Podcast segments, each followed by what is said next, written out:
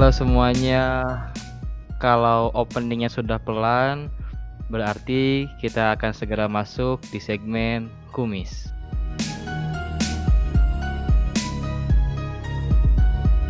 Nama gua Demas dan di episode kali ini gua tidak sendirian.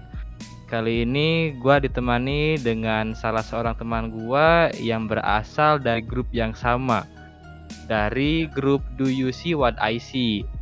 Beliau ini adalah salah seorang kontributor yang apa ya, yang paling diminati oleh banyak orang. Ceritanya begitu banyak dan menjadi apa ya, menjadi unggulan di Do You See What I See sehingga dirinya ini mempunyai banyak fans dan penggemar. Ih, asik mantap. Lebay. Malam ini gua ditemani dengan si Roy. Halo Roy.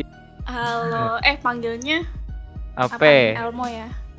Iya bebas mau Elmo mau Oh. Demas ke. Halo, malam ini gua ditemani dengan Roy Kimochi. Iya. Roy Kuaci. Jadi gimana Roy? Udah keluar penjara kah? Kurang ajar. Aduh, itu itu beda Roy ya, itu beda gimana Roy ya. Mo? Elmo? Elmo gimana? Ape. Masih suka di Di AP. kuning? Ih, jangan ya.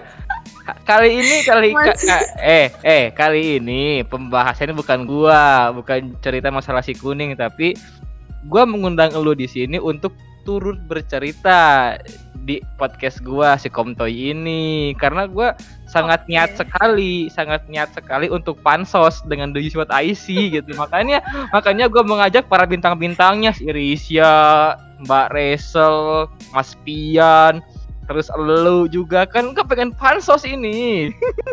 Dan dan di sini gue juga mau pansos sama komentar foto yang pendengarnya banyak banget. Alhamdulillah. Para pendengar komentar soto ya bisa mampir lah ke tempat gue.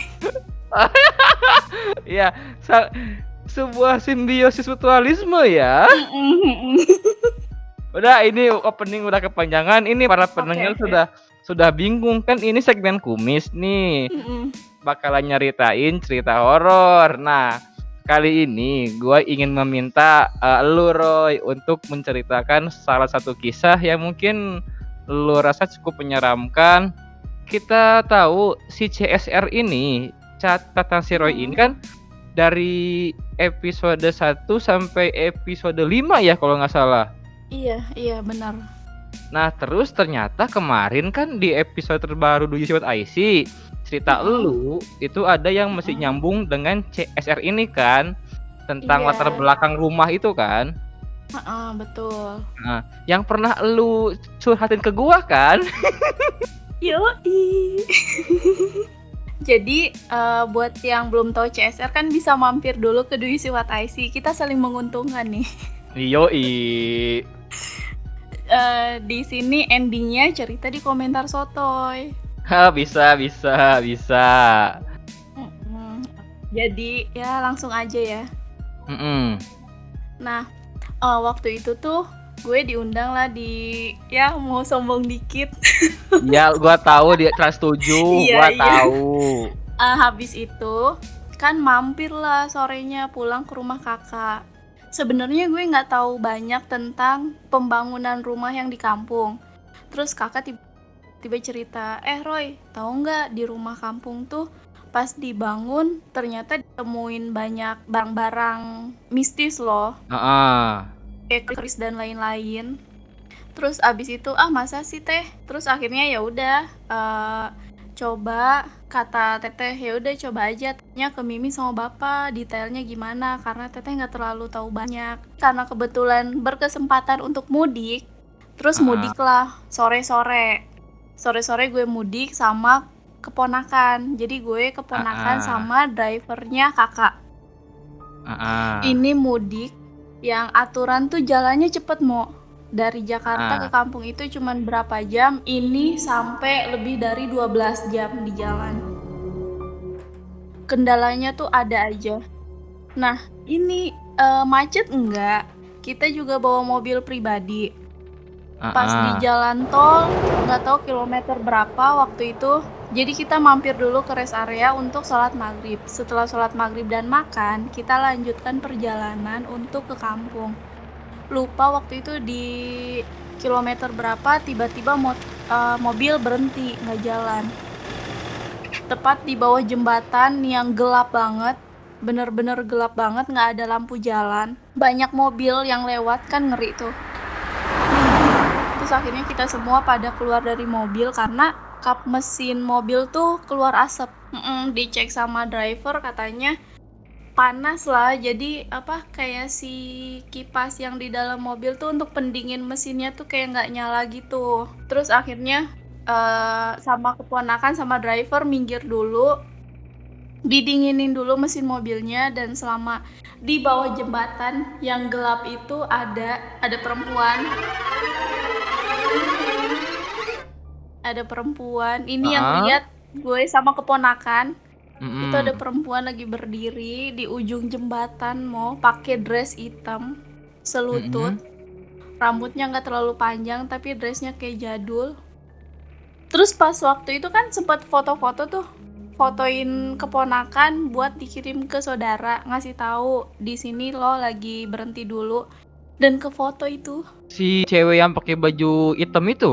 Mm-mm, siluet siluetnya ke foto Mm-mm. Oh. mhm. siluet terus banyak apa kalau kata orang yang suka foto-foto horor tuh apa oh orbs, Orbs, atau apa orbs, sih itu yang heeh. Orbs, Mm, orbs. mm, heeh. itu banyak banget Heeh.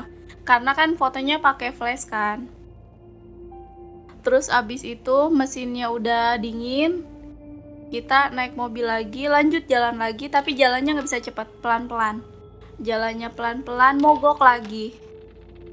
Terus akhirnya turun lagi dinginin mesin jalan lagi sepanjang jalan kayak gitu makanya lama.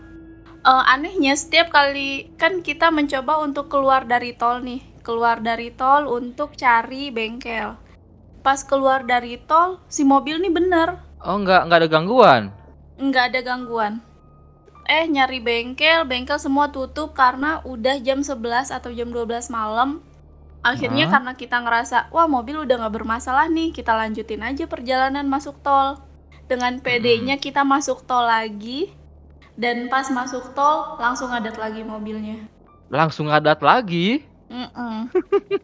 si driver ini kayaknya ngerti Heeh. Driver ini ngomong wah mbak kayaknya kita ada yang lagi ngajak bercanda nih Ah, I see. Mm-mm. itu Sud- akhirnya karena karena takut ya udah deh merem aja tidur jadi si Ah. driver nih sendirian yang berhenti berhenti berhenti karena mesinnya panas terus kan Heeh. sampailah di kuningan Mm-mm. ini sampai di kuningan jam 2 kalau nggak salah deh dari sore Mm-mm, dari sore Mm. dan sepi banget jalanan mau ke rumah itu gelap banget Oh, mati lampu. Bukan itu kampung yang emang nggak ada lampu jalan, penerangannya sedikit di jalan raya tuh, Mm-mm. sepi. Terus waktu itu aku keponakan udah bangun, eh eh bangun nih kita udah mau sampai, bangun kan. Mm-mm. Eh tante tante nanti tunjukin dong rumahnya nenek yang mana. Oh iya nanti ditunjukin gang rumah nenek. Kita Mm-mm. lewat, lewatlah gang rumah nenek. Dan waktu lewat gang rumah nenek, aku apa eh gue sama keponakan itu ngeliat ada perempuan di pinggir jalan lagi berdiri. Tapi Heeh. dia dia bukan emang di pinggir jalan di bawah, tapi di antara pohon bambu. Tapi ini ntar perempuan ini apa perempuan yang sama yang ngikutin di tol apa beda lagi Nggak, nih? beda, beda. Oh, beda lagi. Mm-mm. Pokoknya Terus tuh terus. eh, kayak pocica. Ah, heeh. Mm-mm. Di dia berdirinya tuh di antara pohon bambu. Awalnya nggak notice kalau itu pocica. Eh, gue cuman ngomong kan sama keponakan, eh itu kok perempuan ngapain ya malam-malam nunggu bus atau nunggu apa gitu di pinggir jalan. Terus iya ya tante. Eh tunggu dulu. Kayaknya yang tadi kita lihat bukan orang deh. I, i, i. Dan itu akhirnya yaudah deh kita lanjutin sampailah rumah. Besoknya gue main lah ke rumah nenek sama keponakan. nengokin nenek lah Ah. silaturahmi mm-mm. cerita nek semalam aku lewat gang rumah nenek terus aku ngeliat ada perempuan lagi berdiri di antara pohon bambu tengah malam nek jam 2 malam lewat lah itu apa ya nek terus nenek bilang oh pocong ya Sesantai itu ya. Mm-mm. Terus gue nanya dong, kok nenek tahu emang kenapa? Di situ memang banyak yang lihat, Roy. Udah nggak aneh lagi. Diceritain lah sama nenek. Heeh. Kan nggak jauh dari tempat bambu-bambu itu tuh. Jadi di- eh, apa? Gang rumah, gang jalanan gitu, pohon bambu. Samping pohon bambu ada rumah. Nah, samping rumahnya lagi baru tuh rumah nenek. Makanya nenek Mm. tahu. Jadi rumah yang deket pohon bambu itu sering banget digangguin. Iya, Suatu iya, malam katanya pernah subuh-subuh ada yang ngetok-ngetok jendela. Ada yang ngetok-ngetok jendela pas dibuka Heeh. jendela gordennya ternyata si pocicanya lagi berdiri di depan jendela Anjir. dan itu dan itu Heeh. kayak ganggu ganggu setiap orang yang lewat jalanan itu pasti ngeliat. Ah, sudah bermukim di sana kali ya? Mm-mm. Dan kata nenek katanya pocica itu ada sejak ada salah satu eh, warga situ lah perempuan Mm. kan nikah nih katanya nikah terus merantau lah ke kota ternyata Mm. suaminya itu kayak suaminya tuh nggak ngurusin nggak nafkahin KDRT selingkuh dan lain-lain sedangkan Heeh. si perempuan ini nih sakit-sakitan tapi nggak Ah. diberobatin sama suaminya terus lemes banget kalau cerita ini terus si si perempuan ini akhirnya karena dia udah nggak sanggup dia ke suaminya bilang tolong pulangin aja aku ke kampung Pulangkan saja aku pada ibu atau ayahku. Mm. dipulangin lah sama suaminya ke kampung pas udah sampai kampung besoknya meninggal Innalillahi. Dan setelah kejadian orang ini meninggal mulailah ada pocica di pohon bambu itu yang suka gangguin Dan itu Ah, I see. rumah rumah si orang ini pun nggak jauh dari situ Oh, jadi nggak terlalu jauh dari si pohon bambu itu ya? Mm-mm. I see. Mm, Mm. Terus terus udah itu gitu pun gimana? kayak hah kayak kayak kaget kan kayak baru kali ini baru kali ini lihat penampakan dan ada penjelasannya. Biasanya kan cuman lihat dan nggak tahu sejarahnya kan kalau ini Iya. ada penjelasannya. Heeh, dan itu kayak aduh kasihan sih katanya sih minta tolong. Hmm, hmm, hmm, kata nenek karena nenek pun beberapa kali pernah lihat. Tapi ya udahlah Mm, mm, Nah, mm. soal rumah kampung, kan nanya nih sama bapak, sama Mimi, sama kakek. Hmm. Katanya eh, rumah kampung itu kan manggil tukang. Ada tujuh atau berapa tukang lupa. Mm-mm. Mereka nggak ada yang berani masuk ke rumah. Oh, waktu waktu waktu dibangun apa waktu sekarang nih? Mm-mm, waktu kan enggak waktu itu kan masih kosong tapi belum dirubuhin. Belum Oh, ah, iya, iya. rumahnya. Ah, kan maksudnya mau diruntuhin nih, masuk dulu ke rumah kan diruntuhinnya tuh manual tau kan kayak di palu-palu gitu loh. Ah, ah, ah, paham paham paham. Nah, nggak ada yang berani masuk ke rumah. Akhirnya ditemenin lah sama bapak, sama. Mimi, sama kakek. Pas masuk, kan, kan kamar Mimi itu kamar paling gede di rumah itu. Iya. Akhirnya kamar itu tuh ada yang harus apa harus digali karena mau dibikin jadi dua kamar dan masing-masing kamar itu ada kamar mandi. Otomatis Hmm. ada yang harus digali kan Ya, untuk itu jalan sanitasinya. air atau Heeh. Mm-mm, atau apalah itu. Mm-mm. Pas digali, ternyata mereka nggak nyangka itu ada banyak benda-benda yang ditanam di kamar Mimi.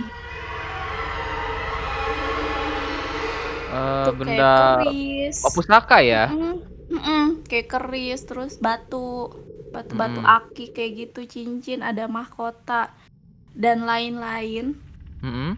Ada botol juga katanya ada suratnya atau apa gitu.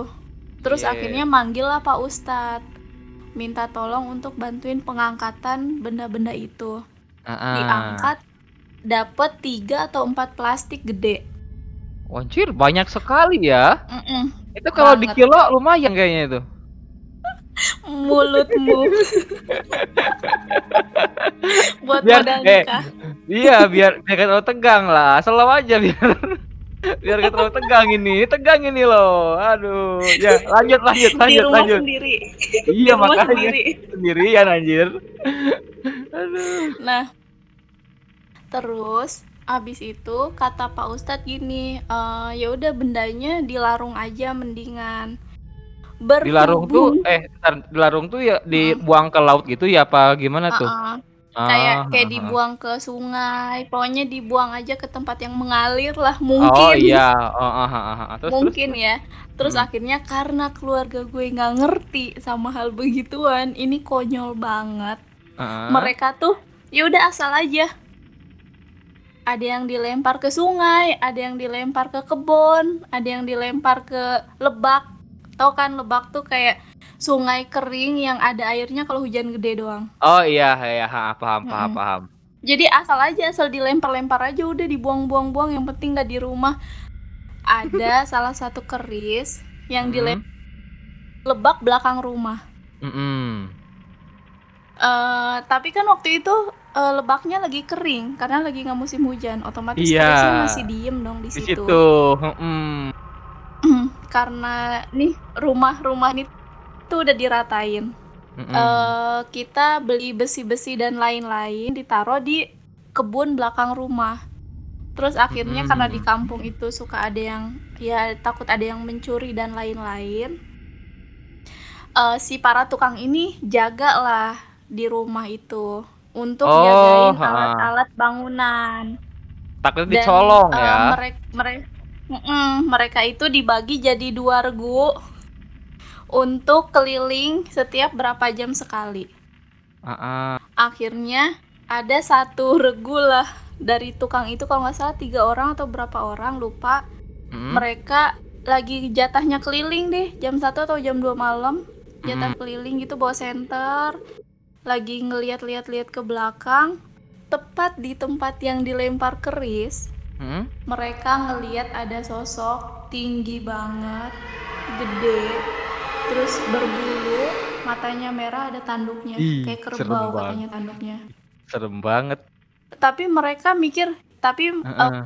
waktu itu para tukang mikirnya itu beneran yang penampak pohon karena banyak pohon gede Ah, mm, Mau- mm. di center lah. Ya anjir. Pas di sen, pas di center mukanya jelas. Nih para tukang di belakang rumah langsung lari semua. Ini. lari ke depan rumah pada bubar udah Bubar, bubar. Anjir serem bubar udah banget. nggak ada yang berani nah sebenarnya selama dibangun pun ya ada aja kejadian tapi orang tua tuh nggak mau ceritain detail banget tuh nggak mau soal kejadian itu Mm, sampai akhirnya kan nih gue lagi apa waktu itu lagi mudik tinggal dong di Yes. situ Ah, ah, ah. adalah beberapa kejadian. Terus kakek tuh waktu itu pernah ngewanti-wanti gini, Roy bilangin sama bapak sama Mimi, kebun belakang rumah itu pasangin lampu yang gede-gede biar terang, biar nggak serem karena banyak pohon pisang. Tinggi gitu ya. Oh, ha, ha, ha. Ba- ada ada beberapa lah pohon pisang dan itu serem kata kakek Mm-mm. gitu. Dan Mm-mm. banyak pohon juga. Terus iya kayak nanti dibilangin. Dan rumah gue tuh tetep mau kanan kiri tuh tanah kosong. Ah, ha, ha, ha. Kanan kiri tanah kosong tetep ada apa kantor kosong yang di samping kamar bekas Mimi masih ada. Tetep Ah. kosong. Karena sekarang rumah kita dibangunnya tinggi, otomatis kantor itu makin gelap. Tutupan ya. makin gelap banget Mm-mm, bener-bener Hmm. gelap banget dan mungkin seru kali untuk ke makhluk itu depan rumah ada rumah tapi itu Mm. juga rumah kosong karena pemiliknya di Jakarta Ah, banyak sekali rumah kosong di sana ya. Mm-mm. Elmo barangkali mau tinggal di sana Iya betul baru gua baru baru gua nawarin. Kayaknya seru kalau tinggal di sana ya. Asal asal gratis aja nggak apa-apa. boleh boleh nah Ya. lanjut lanjut lanjut lanjut. Wak- waktu itu sore nih Mm-mm. eh, orang tua tuh lagi sibuk di dapur lagi ngerjain apa gitu udah mau maghrib kan Mm-mm, otomatis ah udah deh waktunya nutup nutupin jendela nih takut keburu maghrib lagi Iya. nutupin jendela masuk ke kamar kamar kakak gue yang nomor dua Mm-mm, itu kamar bekas kamar mimi yang dijadiin dua kamar ah, itu tuh ah. kamar dia tuh pas banget jendelanya itu banyak pohon pisang I see. buru-buru kedah ke kamar nyala-nyalain lampu kamar lampu kamar mandi dinyalain lagi nutup apa nutup jendela tiba-tiba pocongnya nongol dari bawah Ih anjir. lagi nongol ke atas hadap-hadapan itu lari gue lari Lu lari, kaget, lu tak. gue lari. Gue lari tumben. Biasanya lu kan berani. Lu lu lu udah udah sering ilmu kayak gitu itu sudah bukan hal sudah bukan hal yang tidak aneh buat Anda. Harusnya Anda bisa menahan. Malah harusnya Anda ajak kenalan gitu loh. Hai, kamu siapa? Ngapain di sini? Gitu loh. tapi tetap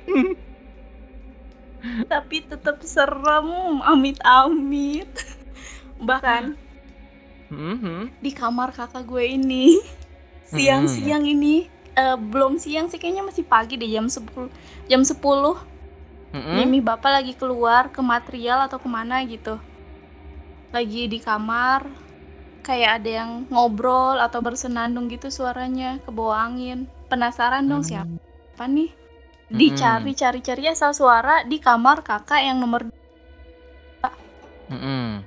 Masuk ke kamar kakak nomor 2 takutnya kan ada orang lagi ngobrol di halaman belakang rumah kita kan Yes, yes. tapi nggak ada orang dicari lagi asal suaranya di kamar mandi Pindah. jalan pelan pelan pelan ke kamar mandi tapi Heeh. lampu kamar mandinya tetap mati nih Heeh. ternyata ada Miss K lagi Anjir. berdiri di ujung kamar mandi lagi ngebelakangin pagi-pagi. Pagi-pagi. Mm-mm. Mm-mm. Wah. Heeh. Sangat rajin sekali Parah. mereka ya. iya Sangat rajin Itu sekali. gue langsung lari Hmm. masuk ke kamar tutup pintu kamar udah diem di kamar Hmm. pokoknya keluar kamar pas bapak sama Mimi udah pulang Kenapa? Kenapa lu gak kabur keluar rumah aja gitu loh? lu nggak tahu ya di di keluar rumah aja nih Heeh. siang aja itu serem serem nggak ada orang yang lewat Sangat sepi ya. Sepi banget banget kayak nggak ada kehidupan Lu tinggal di mana aja planet Namek? padahal itu rumah deket jalan raya loh heeh. terus terus terus gimana? jadi eh, kalau keluar rumah tuh lihat ya ada jalan raya tapi yang ramai di jalan raya doang sedangkan yang lewat depan rumah tuh kayak dalam sehari nih ya yang lewat depan rumah Hmm. tuh bisa kehitung mungkin Hmm. lima orang atau berapa orang gitu yang lewat dari pagi sampai malam dan itu jarang banget yang lewat bener-bener jarang banget sepi banget gimana? Heeh. itu nggak ngerti sih dan itu juga jawaban selama gue tidur di situ gue penasaran kenapa nih orang tua gue tuh kalau tidur nyalain kalau nggak ceramah murotal Yes. di dengan volume gede Heeh. dan lampu nyala Heeh, heeh, heeh. ya bisa jadi mungkin mereka pun mengalami sesuatu tapi mereka nggak mau cerita Iya, takutnya kalau mereka cerita bakalan bikin ketakutan massal. takutan masal Nanti nanti jadi takut semua lagi. Terus terus gimana lagi gimana lagi? Nah, Eh, gini eh, gue tuh kan sama Mimi eh, kadang kita malam-malam ke warung nih Mm-mm, itu mm. mau saking sepinya jalan raya jam 8 atau jam 9 malam udah nggak ada yang lewat sepi Hmm. banget bener-bener yang lewat tuh jarang banget banget banget lu bisa gelar kasur deh di tengah jalan Anjir, bisa camping tengah jalan ya. bisa bisa bisa Maka makanya gua bingung lu tinggal di mana sih anjir? di kuningan yang deket jalan raya tapi nggak ngerti itu sesepi itu Eh, lanjut, lanjut, lanjut. bertahun-tahun tet bertahun-tahun tetap sesepi itu dan nggak ada lampu jalan Hmm, tolong kepada pemerintah, eee, Kuningan ini tolong didenga didengarkan Mhm. curhat warganya ya. Iya benar, biar terang ya. Heeh. Yuk lanjut Roy, lanjut lanjut. Nah, waktu itu tuh malam-malam hujan, kayak lagi Hmm. gerimis gitu. Gue sama Mimi itu ke rumah saudara yang agak jauh. Dia jual pulsa. Waktu itu mau beli pulsa untuk bapak karena ada perlu lah. Mhm. Lagi jalan tuh sama Mimi berdua pegangan tangan. Aduh, Miko sepi banget. Iya udah Roy, ayo Roy, buru-buru di jalannya. Dan gue tuh sama Mimi jalannya tuh ke tengah. Kita bukan Mhm. jalan ke pinggiran jalan raya ya, tapi ke tengah. Saking takutnya. Karena kanan kiri tuh pohon bambu, lebak, Mhm. lebak, terus pohon bambu. Dan itu serem banget. Jadi kita tuh jalan tuh ke tengah, bukan ke pinggir. Menantang maut. Aduh logika Anda. Terus akhirnya nih sambil pegangan sama Mimi jalan. Udah Mhm. tuh beli pulsa. Pulangnya bener aja kan firasatnya enak. Ini sepi banget banget banget kayak nggak ada kehidupan kayak di tengah hutan. Padahal Mhm. itu di jalan raya. Ternyata ada Miss K lagi pada nongkrong mu. Ih nongkrong dong, anak-anak ini bukan bukan anak senja, anak bulan. Nah itu bener-bener nongkrong di antara si pohon-pohon bambu dan Mm-mm. pohon randu yang dulu gue pernah ceritain gue punya teman kecil yang hampir ngebunuh gue. Yes. Itu pohonnya masih ada sampai sekarang. Anjir. Dan dan itu kita jalan setengah lari karena kayaknya Mimi juga ngeliat. Jalan setengah lari karena takut. Terus akhirnya kan udahlah eh, gue ke Jakarta lagi. Nggak lama dari itu dapat kabar dari Mimi. Mhm. kalau katanya Mimi tuh habis dari Pak Ustadz ditanya kan Yes. emang ngapain nih ke Pak Ustadz iya Mimi sakit sering nggak enak badan kayak ada yang mau masuk pas ke Pak. Ustadz dikasih air katanya ternyata Mimi itu karena sering lewat situ lewat yang tadi gue ceritain tengah Mhm. malam jadi mereka ada yang ngikut Ah, I see. Mhm. gangguin Mimi makanya Mimi suka kalau udah maghrib tuh kayak meriang kayak ada yang masuk kayak nggak enak Mhm. terus ya setelah minta air sih alhamdulillah udah mendingan Yes. ya seserem itu sih Sangat ekstrim ya. banget Terus banget akhirnya banget. akhirnya itu sekarang rumahnya gimana? Masih angker? Kan si Kurt udah dibuang tuh. Apa namanya perkakas-perkakasnya Mm-mm. kan, para para mustika-mustika ratu Mm-mm. itu sudah dibuang. Terus iya keadaan rumah masih masih angker apa Mm. gimana gitu? Apakah gangguan sudah berkurang? apa Eh, masih ekstrim? rumah sih udah udah mendingan mungkin eh, mendingannya itu karena suasana rumahnya tuh udah enak udah bangunan Hmm. baru udah lebih terang karena lampunya tuh terang-terang banget kayak orang mau hajatan Mm-mm. Pasti Philip. Eh, nah itu brand ambassadornya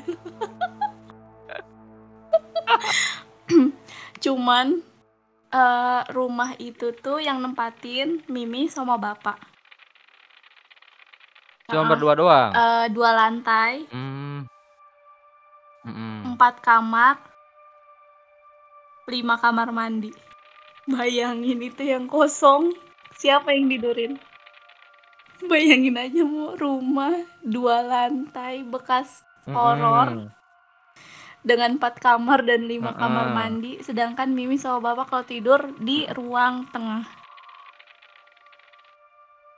Anjir, terus itu kamar buat apa? Buat dikontrakin, buat jadi kos-kosan. Mending dikos-kosin aja, dapat duit lumayan tiap nah bulan. itu bener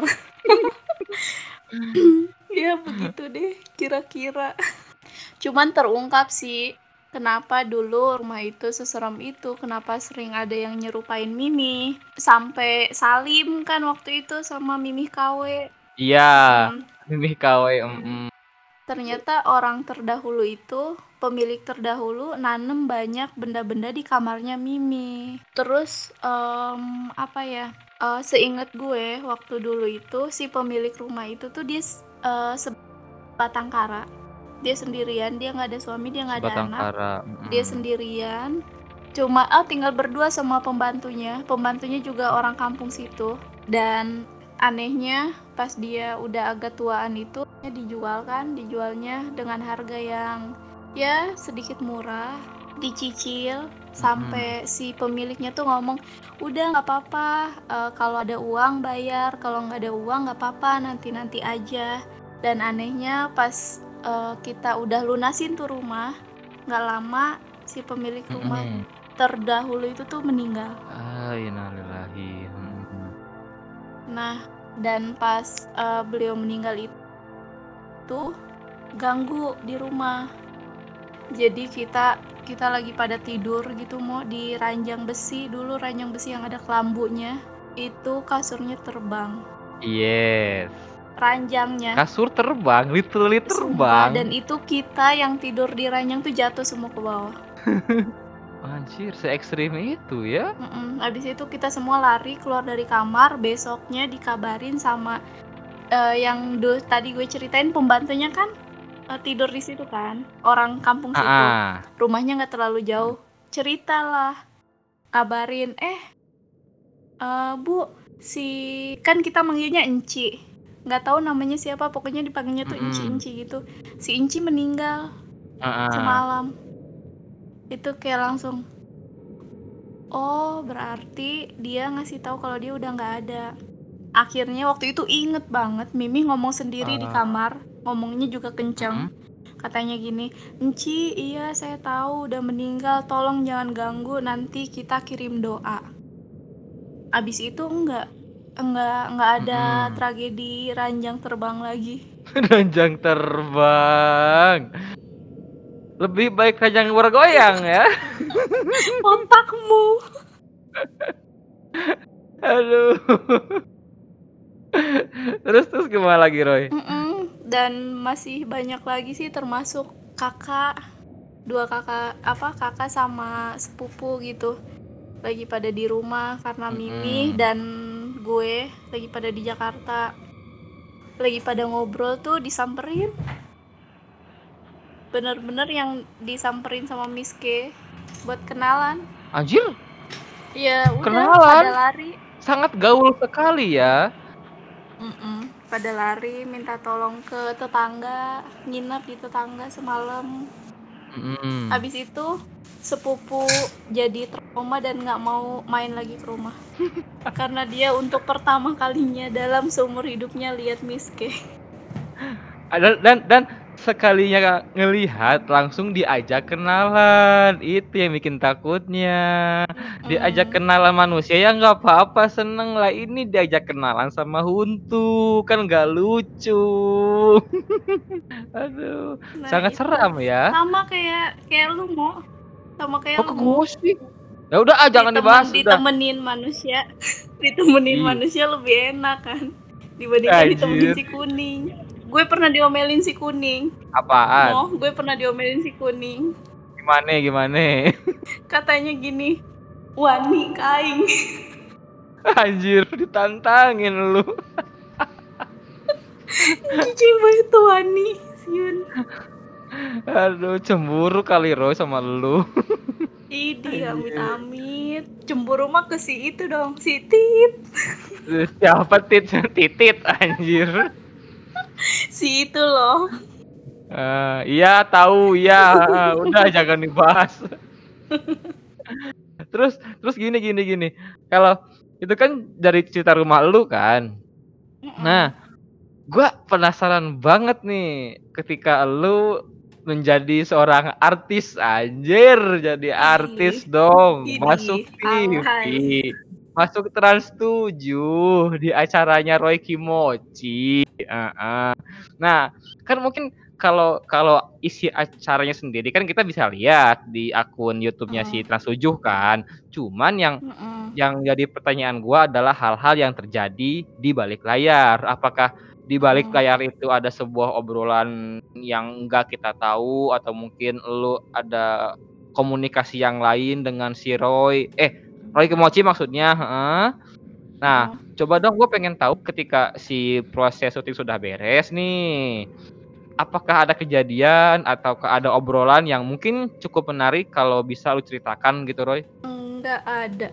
abis selesai Ya. kan acara tuh Hmm. sempet kayak rusuh kan rusuhnya tuh karena ya si Roy Kiyoshi-nya sama beberapa kru udah mulai nggak kuat Mm-mm. terus akhirnya ya udah deh eh, diselesaikan padahal belum selesai waktu itu Oh. terus Roy Kiyoshi-nya Hmm. juga udah muntah-muntah dan udah nggak mau deket gue Hmm, mungkin mungkin karena Termas karena ini namanya sama-sama Roy kali. Jadi aja gitu.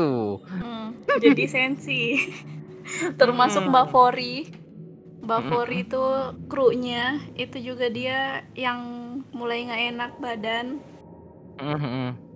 Dan waktu eh, gue datang itu langsung dikerubunin mereka sampai bilang gini Heeh. oh ini yang punya catatan si Roy Oh ya. karena tadinya itu kata mereka eh, acara itu tuh mau dipakai nama catatan si Roy Ah, ah, cuman udah keduluan dari di Duyushi Mm-mm. kan. dan Mm-mm. ya berkat Mister akhirnya nama Mm-mm. itu tetap jadi nama gue Widih. Terima kasih Mister. Alap terima ya kasih Mister. Mister dan do you see what I see Widih. Pantas lagi. jadi akhirnya acara mereka diganti nggak jadi catatan si Roy padahal itu katanya logo dan lain-lain tuh udah dibikin akhirnya dirubah semua gara-gara Roy Lu. ini Gara-gara lu. Aduh ya, kalau emang emang kalau ngobrol sama si Roy ini, kalau ngomongin masalah persetanan, dunia gaib, dunia apa du- dunia huntu, dunia demit itu nggak akan ada habisnya. Karena si anak kampret satu ini banyak banget kejadian yang dialami gitu loh. Nah, mungkin mungkin eh, untuk penutup Roy, mungkin ada sebuah Hmm. cerita singkat mungkin sebelum kita akhiri sesi ini. Cerita yang dipindah aja ya Dipindah apa ini? Pindah alam lu. Eh, jadi bukan lah jadi waktu itu gue masih kecil masih SD Hmm. tetangga itu ada yang hajatan karena Hmm. anaknya itu dua-duanya disunat dan sekalian akikah gitu deh acara gede-gedean Hmm. semua keluarga besarnya datang rumahnya udah nggak muat untuk para tamu Hmm. rumah gue juga sebagian mereka nginep di rumah gue dan sebagiannya lagi nginep di kantor kosong jadi di depan rumah gue itu ada ko- ada satu kantor kosong Yes. bekas eh, pabrik apa lokasi pasir. Jadi Hmm. setiap kali ada truk yang mau ambil pasir ke bukit, itu bayarnya di kantor depan rumah. Mm-mm. Nggak tahu kenapa kantor itu cuma dipakai sebulan atau dua bulan langsung dikosongin. Padahal Hmm. kantornya ya lumayan kayak serumah gitu, ada kamar mandi dan lain-lain. Yes. Terus dibersihin lah untuk beberapa saudaranya kalau nggak salah ada 13 orang lebih atau 13 orang Mm-mm. ada bapak-bapak, ibu-ibu, ada anak kecil, ada orang yang udah tua lah. Mm-mm. Mereka tidur di situ. Besok paginya eh, dibangunin kan. Niatnya itu mau ngebangunin untuk apa sarapan lah. Ternyata di kantor kosong itu kosong, nggak ada eh, keluarga yang tidur di situ. Anjir. Dicari-cari emang nggak ada, nggak ketemu. Mm. Terus nggak lama pas dilihat kosong dan dicari-cari nggak ketemu, mereka ada lagi jalan dari arah sawah. Semuanya jalan dari arah sawah. Kan jadi dari sawah ke rumah kita itu kayak turun gitu loh Ah, dari ah, ah, bukit. Nyala. Di mana kok nongolnya dari sawah? Mereka semua cerita katanya nggak tahu tiba-tiba pagi-pagi bangun-bangun udah ada di sawah. Ih anjir serem banget. Tapi mereka semua ini cerita katanya semalaman pas tidur Ah, mereka semua mimpi mimpi yang sama ah, ah, ah. yaitu mimpi diangkat pakai keranda mayat anjir. tapi yang angkatnya itu bukan manusia kayak ada pocong ada kuntilanak ada genderuwo dan lain-lain di mimpi itu dan 13 orangnya tuh mimpi hal yang sama kayak gitu 13 orang langsung pindah. Anjir serem banget. dan mimpinya sama mimpinya diangkat pakai keranda mayat Mm-mm. sama berbagai macam makhluk mm-mm, mm-mm. kayak kan selama ini tuh orang kalau dipindah satu orang Yes. satu orang ini tuh bener-bener yang 13 orang dengan mimpi yang sama Ih, anjir serem banget. Kayak itu se ekstrim itu sih sampai 13 orang, bukan cuma satu atau dua orang. Ya, I see. Ah, ya setelah itu hajatan itu heboh lah dengan kejadian itu. Tapi hajatannya jadi? Jadilah, Oh, jadi. Kirain kirain gara-gara itu nggak jadi, bubar udah lagi. DP tenda. Aduh, aduh ya sangat menarik sekali ya obrolan kita malam ini. Tapi karena sudah terlanjur malam nih ya kan, gue Mhm. sendirian. Dari tadi dengerin lu cerita tuh ada ada ser-ser gimana gitu ya. Hmm, bukannya ditemenin si kuning. Udah jangan dibahas, nanti datang beneran. Gua males, Cok. ya udahlah, mungkin mungkin segitu dulu episode gua sama si Roy. Mungkin ke depannya Roy Mhm. akan membagikan lagi cerita-ceritanya yang mungkin belum tayang di Doyusi ataupun cerita yang tidak layak tayang di Doyusi bisa diceritain ke gua, gak apa-apa Roy bebas di sini mah Roy. Ya boleh dan dan eh, mungkin para pendengar komentar sotoy bisa mampir ke YouTube channel gue. Iya baru mau gua promosiin, Cok. Iya, jangan lupa Iya, juga. bagus, Jangan lupa juga untuk ngefollow Instagramnya Roy di di mana Roy? Mhm. Roy underscore Royanah ya. Eh, ah, Eh, ah, gimana sih? Roy underscore Roy underscore Yana. Ah iya bener. terus terus ada juga podcastnya CSR ya. Mm-mm. Masih masih aktif CSR itu? Podcastnya udah berbulan-bulan libur. Eh, eh, paling paling paling lari ke YouTube aja paling ya. Di mana Mm-mm, YouTube-nya. Roy? Eh, YouTube-nya catatan si Roy. Catatan si Roy. Hmm, sudah nama sudah jadi nama ini ya. Nama nama lu ya. Benar. Berkat Mister dan Dwi Iya, Swataisi. Eh, mantap, do you see mantap.